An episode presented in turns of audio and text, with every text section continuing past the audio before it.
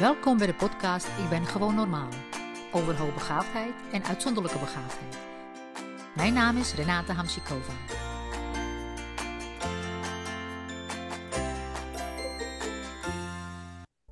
Nou, goedemorgen en welkom uh, bij een uh, nieuwe reeks uh, van podcastafleveringen. Um, de komende drie afleveringen ga ik in gesprek met Renate Hamsikova. En de eerste aflevering in de reeks, Intens, Authentiek en Vrij, net als de naam van het boek van Renata, gaat over Ik ben anders. Um, ik ga jou straks een paar vragen stellen, Renate. En ik wilde je eerst ja. uh, iets voorleggen wat ik onlangs uh, heb gehoord van een moeder. Mm-hmm. Um, ik sprak met haar over haar zoontje van drie jaar oud.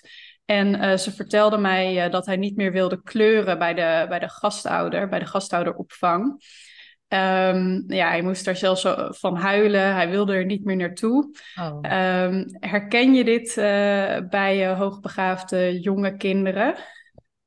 Ja, dat herken ik zeker. Daar, wordt, daar vragen ouders wel vaker over. Dat, dat hun kind of niet wil kleuren of niet wil, iets niet wil doen wat of, op de peuterspeelzaal of gastouder of, of kleuterklas gedaan wordt. Mm-hmm. En dat zijn meestal activiteiten die het kind beperken. En vooral beperken in zijn creativiteit. Hè. Dus ik zou me voorstellen dat je jongetje iets zou willen tekenen zoals hij dat in zijn hoofd heeft, zoals hij dat zou willen. Yeah. Maar kleuren binnen lijntjes, dat is toch een toppunt van de keurslijf, vind je niet? Dus, ja. als dat, dus daar, daar vind ik wel dat dat jongetje daar gewoon uh, terecht tegen verzet. Want hij wil ja. zijn ding doen. En hoe ja. zouden ouders daar dan mee om moeten gaan? Want dat soort situaties komen natuurlijk heel vaak voor. Nou, ik denk dat je dat vooral die creativiteit heel bij jonge kinderen is heel, het is heel belangrijk dat het kind zijn expressie, dat, is, dat, hij, dat hij zich kan uiten in wat dan ook. Of het nou in zingen is, springen, uh, dansen, tekenen, nou ja, wat dan ook. Dus ik denk dat dat goed is met die gastouder uh, te praten en uh, uitleggen wat, wat het is, waar, waar het hem in zit. Kijk, weet je wat het is? Kleur, kleuren, binden, lijntjes kan eigenlijk iedereen. Maar creatief zijn en iets origineels ja. bedenken, dat, kan, dat kunnen weer weinig mensen. Dus Ik dus zou dat de, aanmoedigen. De ouders moeten wel uh, er iets mee doen, zeg je eigenlijk. Dat zou ik sowieso doen, ja. Ja, ja. Oké, okay. nou. Um, waar, ik het je ook, uh, waar ik het ook met je over wilde hebben, is het welzijn van je kind. Um, en dat teken is daar ook een voorbeeld van. Um, ja. En in het burgerlijk wetboek staat daar ook wat over. Er staat dat een van de plichten die je als ouder hebt, die behoort tot het uitoefenen van het gezag, het ouderlijk gezag, is de plicht en het recht om je kind te verzorgen en op te voeden. En daaronder wordt dan verstaan ook de verantwoordelijkheid voor het uh, geestelijk en lichamelijk welzijn van je kind, de zorg en verantwoordelijkheid voor de veiligheid van je kind en het bevorderen van de ontwikkeling van de persoonlijkheid van je kind. Mm-hmm. Um, en mijn vraag aan jou is eigenlijk van hoe kun je er als ouder voor zorgen um, dat dat ook inderdaad gebeurt, zonder dat je bijvoorbeeld ja, te beschermend wordt en wilt voorkomen dat uh, je kind ook maar iets vervelends uh, meemaakt.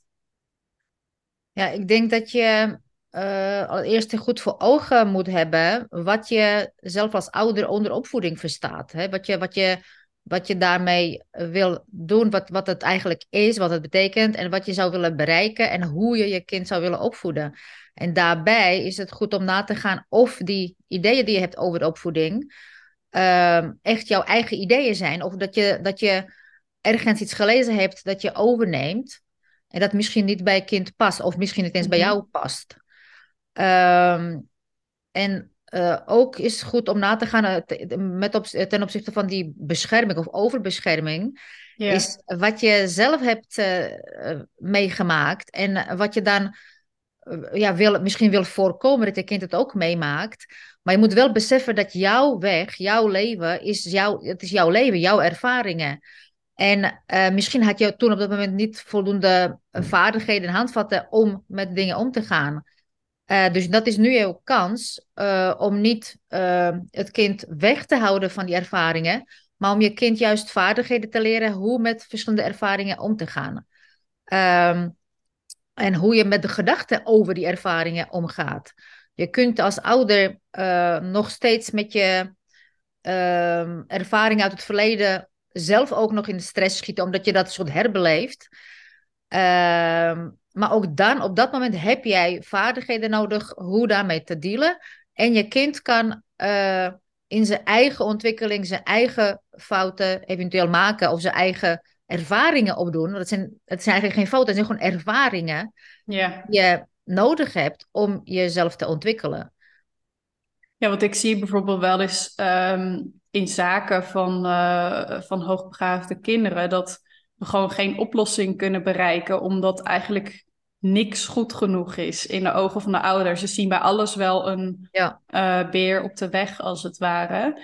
En dan, eh, dan lukt het soms ook gewoon echt niet. Herken jij dat ook? Ja, dat herken ik zeker ook. En soms kan ik ouders ook niet helpen. Niet, Mhm. dus niet vooruit helpen, niet, niet helpen daarin, omdat zij heel erg blijven. eh, En dat heeft eigenlijk te maken met zich vastklampen aan iets van iets externs, iets wat buiten je ligt. En daardoor geef je eigenlijk je macht weg. Je geeft je autonomie weg, want je hoopt, je verwacht dat iemand je helpt, dat iemand je redt. Of iemand je Ja. kind redt. Terwijl je door je zelf, door jij zelf in je kracht te gaan staan en dat eh, en dan bepalen, oké, waar heb ik nou mee te maken? Gewoon puur analytisch kijken, waar heb ik mee te maken? Eh, wat werkt wel, wat werkt niet? Wat, wie, wie helpt wel, wie helpt niet? Wat kunnen we doen? Mhm. Ehm, in plaats van eh, in stress te schieten en in emoties blijven. En ik kan me heel goed voorstellen dat je emotioneel wordt en dat je eh, op een gegeven moment ook in stress schiet, omdat je merkt dat jij niet begrepen wordt door, de- door de omgeving en dat je kind ook niet begrepen wordt. Eh, maar steeds meer en meer om aandacht vragen, gaat dat niet eh, verhelpen. Daardoor wordt het begrip niet groter. Dus eh, ik denk dat het belangrijkste is dat jij jezelf begrijpt en, je, je, vanuit daar je kind ook leert bij zichzelf te blijven, zichzelf te begrijpen. En ook steeds nog vaardigheden hebben hoe daarmee om te gaan. En niet afhankelijk worden van andere mensen waarvan je hoopt dat ze iets voor je oplossen. Ja, dat is best een hele opgave natuurlijk. Het is een hele opgave en het kan, het kan iets, het kan iets eh, tot gevolg eh, of eh, ehm, open maken bij de ouder. Misschien een bepaalde wond of bepaalde onvermogen die ze dan. Ze moeten, ouders moeten altijd naar zichzelf, naar binnen, naar, naar zichzelf kijken. Daar begint alles mee. Je kunt het, de opvoeding niet uitbesteden. Ja, je zou je wel kunnen, maar dat wil je niet. Je, je kan niks uitbesteden. En als je in je autonomie wil blijven.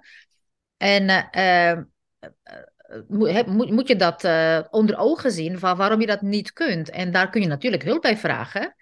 En je kunt eh, mensen eh, vragen om je daarbij te helpen hoe je dat weer terugkrijgt, Ja, eh, die autonomie. Maar eh, dus het kan inderdaad eh, langere weg zijn dan eh eenvoudig maatwerk oplossing op school. Er zit veel meer en meer achter vaak. Ja. Ehm, nou, we hebben het natuurlijk over eh, ik ben anders. En eh, ik wilde ook een, eh, een casus aan je voorleggen van een ander jongetje van acht. Ehm, het is een verhaal wat ik heel vaak tegenkom. Ehm, het jongetje is hoogbegaafd en zit dan een tijdje niet goed in zijn vel. En zijn ouders proberen dan passend onderwijs voor hem te creëren op school. Alleen eh, dat wil maar niet lukken. eh, door meerdere redenen. Eh, het duurt ook allemaal heel erg lang. En hij krijgt steeds vaker buikpijn voordat hij naar school moet gaan. Mhm. En op een gegeven moment moet hij ook een paar keer overgeven als zijn moeder hem naar school wil brengen. En vervolgens meldt zijn moeder hem dan tijdelijk ziek. Ehm, kan jij vanuit jouw eh, kennis iets zeggen over waarom de kinderen zulke lichamelijke klachten kunnen krijgen door school? En eh, ja, wat dat met hoogbegaafdheid te maken heeft? Ja, dat hebben kinderen regelmatig en volwassenen ook. Hè. Lichamelijke klachten, psychosomatische klachten eh, die geen medische oorzaak hebben. Ehm, het- en het heeft te maken door overmatig stress en angst. En dat heeft, eh, ja, heel eenvoudig gezegd, te maken met eh, voor het kind ongeschikte omgeving.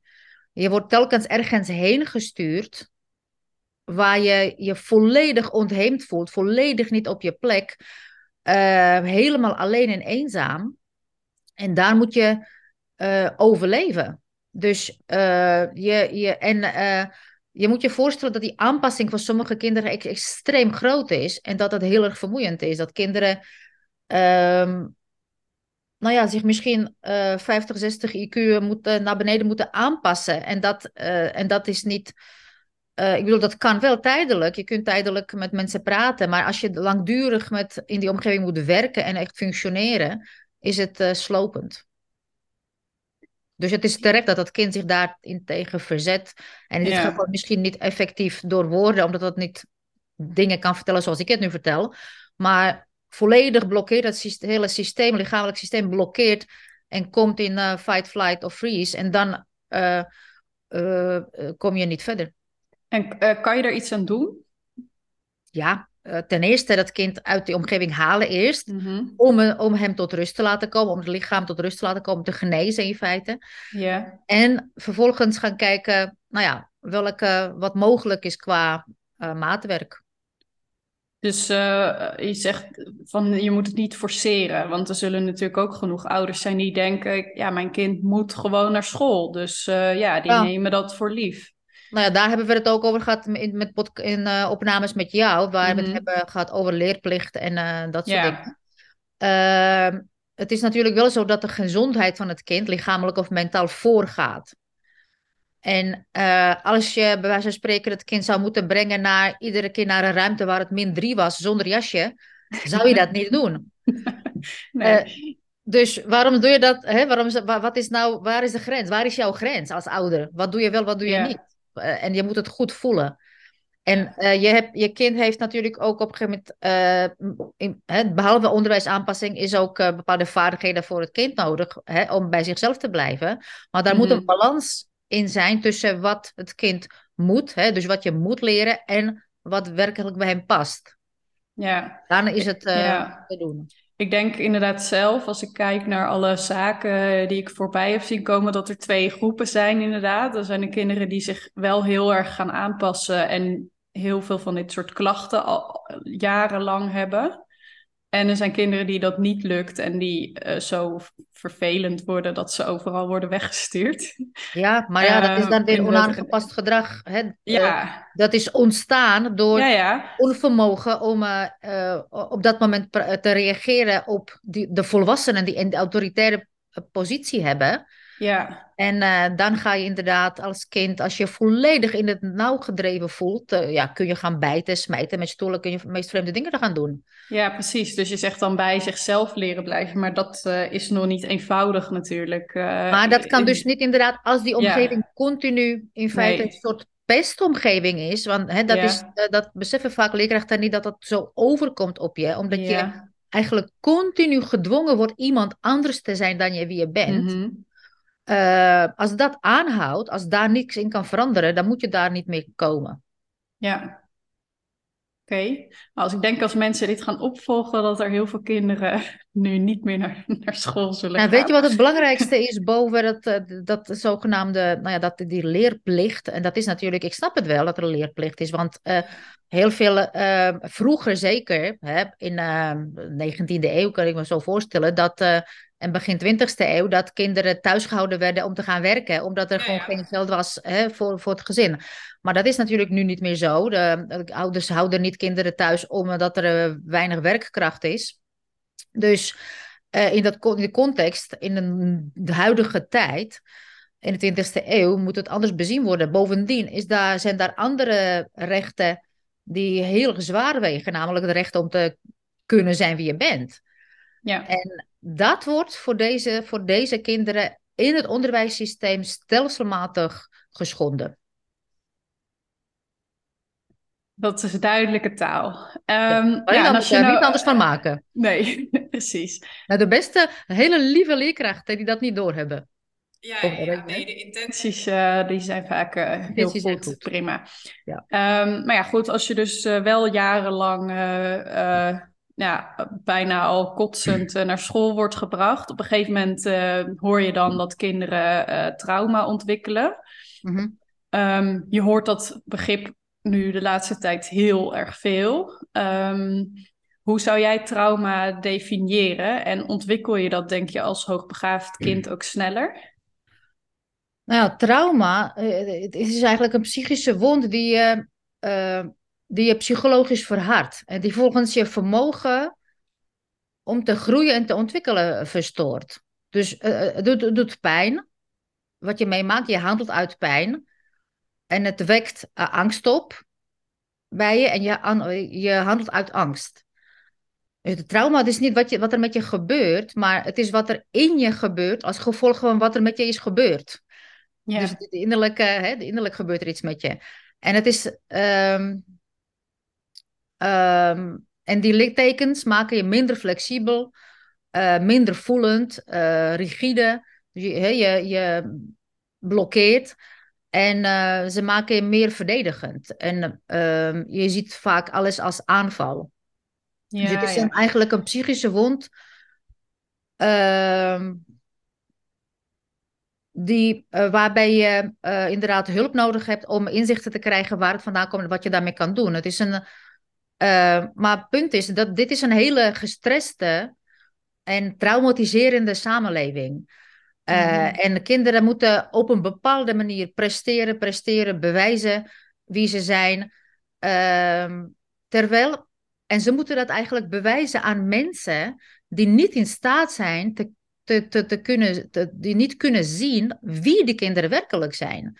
Dus je moet aan de hand van um, eigenlijk banale testjes bewijzen wie je bent. Maar de werkelijke mm. jij zie, wordt niet gezien. En um, dat is waar we het nu ook over hebben. Dat het kind werkelijk niet wordt gezien. Het, het verliest verbinding. Het heeft misschien helemaal geen verbinding. En het verliest verbinding met zichzelf. En dat verliezen van verbinding met jezelf in de kindertijd is verantwoordelijk voor heel veel van de problemen als volwassenen. Wat, wat voor problemen bijvoorbeeld? Nou, bijvoorbeeld dat je weinig zelfvertrouwen hebt, dat je um, andere mensen niet, niet vertrouwt, dus je kunt je ook slecht binden in relaties bijvoorbeeld. Uh, je, hebt, je hebt allerlei angsten, uh, en die angsten, als je er niet mee leert te dealen, dan wordt er angst op angst op angst, ontwikkelt het zich. Uh, je gaat minder voelen. Je, gaat, je, je, je gaat je zo afschermen dat je je ook tegen jezelf afschermt, waardoor je niet meer voelt. Je, gaat, je kunt niet meer bij je intuïtie komen. En je re reageert uit, steeds eigenlijk uit emotie uh, en uit overleving. Ja. Dus um, maar zonder het vermogen van, van de verbinding met jezelf kun je eigenlijk niet overleven. Als een dier geen verbinding met zichzelf eh, voelt uh, en niet weet wat het voelt, kan het uh, niet reageren op bedreiging en dan gaat het dood. En je ziet het eigenlijk, het is heel, heel triest om te zien dat de kinderen vaak van binnen doodgaan. Ze sluiten zich zo af, ze worden bijna ja. apathisch, ze gaan niet meer praten. En dat is die afsluiting en dat heeft zelfs een term, het heet shutting down. En als je kind, als het gaat gebeuren, is het gewoon alarm, alarm, alarm. Dan moet, het, moet er iets gebeuren. En meestal wat er als eerste moet gebeuren, is dat het kind in zijn vertrouwde omgeving komt. En met mensen in contact is waar het vertrouwen heeft. Ja, maar uh, je zegt dus van je moet eigenlijk in verbinding blijven met jezelf. En als dat niet lukt, dan kun je dus een trauma ontwikkelen. Dus we kunnen ook wel constateren dan, denk ik, dat dat voor hoogbegaafde kinderen veel moeilijker is, omdat ze al ja. continu uh, die uitdaging hebben om juist om in verbinding met anderen te kunnen zich, zich moeten aanpassen Precies. en ze daardoor ja. zichzelf eigenlijk uh, verliezen. Nou, er is ook zowel door ouders als door, door de uh, leerkrachten en andere volwassenen uh, weinig besef dat het naar binnen jezelf, dat jij zelf het belangrijkste persoon in je leven bent. Omdat ja. het soort not done is, egoïstisch wordt ge gezien. Maar dat is natuurlijk niet zo, ja. want je kunt pas echt werkelijk geven van iemand houden als jij van jezelf houdt. En anders is het anders heb je altijd afhankelijkheidsrelatie. Mm-hmm. En uh, net hadden we het over afhankelijkheid, hè, van dat ouders bijvoorbeeld willen dat scholen iets doen, dat, het, dat er, dat er yeah. steeds extern iemand schuld geven willen. En dat is, dat, is, dat, is, dat is dit, dat is die afhankelijkheidsrelatie, dat je dat niet, uh, dat je die verbinding met jezelf kwijt bent. En ja. kinderen, intense, hooggevoelige kinderen, autonoom van nature, uh, hebben die verbinding in zich. En dat is wat je ook soms ziet door onaangepast gedrag. Ze willen dat niet kwijt. Ze willen bij zichzelf blijven. Ja. Ehm, en het is gewoon heel heftig. Het is, meer, het is veel heftiger dan, dan, dan, je, dan, dan me- mensen zich voorstellen. En verrijking en verdieping en verrijkingskisten verhelpen dat niet. Dat, is, dat, is, dat, is niet, dat is eigenlijk niet waar het werkelijk om gaat. Zou, uh, zou het voorkomen kunnen worden? Uh, natuurlijk kan je niet alles voorkomen, maar kan je trauma voorkomen? Ja, natuurlijk. En hoe? Uh, dat kun je voorkomen doordat je je kind hè, zo, uh, vanaf de geboorte, of zo, zo, zo, snel als je dit hoort, mm -hmm, yeah. dat je gaat, dat je, ik, ik, geef daar trainingen over. Nog onlangs afgelopen vrijdag heb ik daar masterclass maatwerk is geen luxe in Yeah. over gegeven. Dus ik kan nu niet um, al heel kort uh, in het kort zeggen wat Nee. ik die vier uur of, of langer Dat snap ik, maar vertel. Maar wat het belangrijkste is, is kijken naar de vaardigheden. Jij bent anders. Je hebt bepaalde andere voorkeuren. Je hebt andere behoeftes. Welke voorkeuren zijn dat? Welke behoeften zijn dat? En hoe kan ik ervoor zorgen dat ik, het, dat ik ze krijg? Hoe kan ik als uh, iemand met lactose-intolerantie uh, ervoor zorgen dat ik uh, eet zoals wat ik nodig heb? Ja. Uh, nou ja, net wat ik net zei, hoe kan ik ervoor zorgen als het min 2 is, uh, dat ik het niet koud heb? Gewoon heel praktisch kijken, wat heb ik nodig en hoe kan ik het voor elkaar krijgen? En ehm, de, het kind zelf bij zichzelf leren blijven. Kijk, dat extern, extern, extern, dat is allemaal prachtig, maar dat kun je pas doen als jij zelf sterk in je schoenen staat, als jij zelf weet wie je bent. Ja, nou, dat is een uh, mooie handreiking, denk ik. En als mensen daar meer over wi willen weten, dan uh, kunnen ze denk ik ook uh, even op jouw website kijken. Sowieso op mijn website, dan Ja. kunnen ze sowieso een van de workshops Precies. of masterclasses volgen, want dan, ik geef dan eh, heel veel input. Ja, ja, ik denk dat het voor veel mensen wel heel, eh, heel nuttig kan zijn. Ehm, nou, ik wil het je ook eh, wat voorleggen, een andere casus van een eh, meisje van 13. Mhm. Ehm, het is een zaak die eh, bij mij eh, eh, ja, eh, voorbij is gekomen. Ehm, ze had lang thuis gezeten en eh, dat kwam eigenlijk omdat haar basisschool weigerde te erkennen dat ze uitzonderlijk hoogbegaafd was. En ze voelde zich ook vaak eh, ziek op school en ze, haar prestaties eh, die waren niet eh, uitzonderlijk, eerder een onderpresteerder. Uh, en ondanks dat het uh, intelligentieonderzoek uh, door de ouders wel met de school was gedeeld, zeiden ze daar doodleuk dat ze niks merkten van hoogbegaafdheid. ja. ja, je lacht er nu om, maar het is natuurlijk eigenlijk heel Maar erg. Het is, ik lach erom omdat dat heel vaak gebeurt. En, maar het is gewoon Ja. heel, het is heel triest. Maar dat, Ja. ja. ja. En uh, nou ja, door alles wat zij uh, meemaakte, ontwikkelde ze ook uh, PTSS en viel ze op de middelbare school al snel weer uit. Er werd ook veel gepest in de klas en nou ja, ze is gestart toen met behandeling bij een kindertherapeut, waardoor ze haar zelfvertrouwen langzaam weer terugkrijgt. Hm. maar om ruimte voor herstel te creëren, heb ik toen een uh, vrijstelling op grond van artikel 5 onder A leerplichtwet aangevraagd. Uh, dat is een vrijstelling wegens uh, lichamelijke of psychische ongeschiktheid. en die werd door de behandelaars ook onderschreven. En ook de jeugdarts begreep wel dat het nu even het beste was. Hm. dus dat is eigenlijk een voorbeeld op wat er dan met schooltrauma kan gebeuren. Ja. dit kind kon niet meer naar school. Um, maar kan dat soms wel of moet er altijd eerst hulp komen? Nou, wat ik me altijd afvraag, uh, ik zou sowieso hulp, uh, sowieso hulp als eerste uh, doen. maar wat daarbij is, kijk, los van de school zelf, we hebben het net over gehad over het trauma en, en dat soort dingen, en ongeschikte omgeving. Ehm, wat wil dat meisje zelf?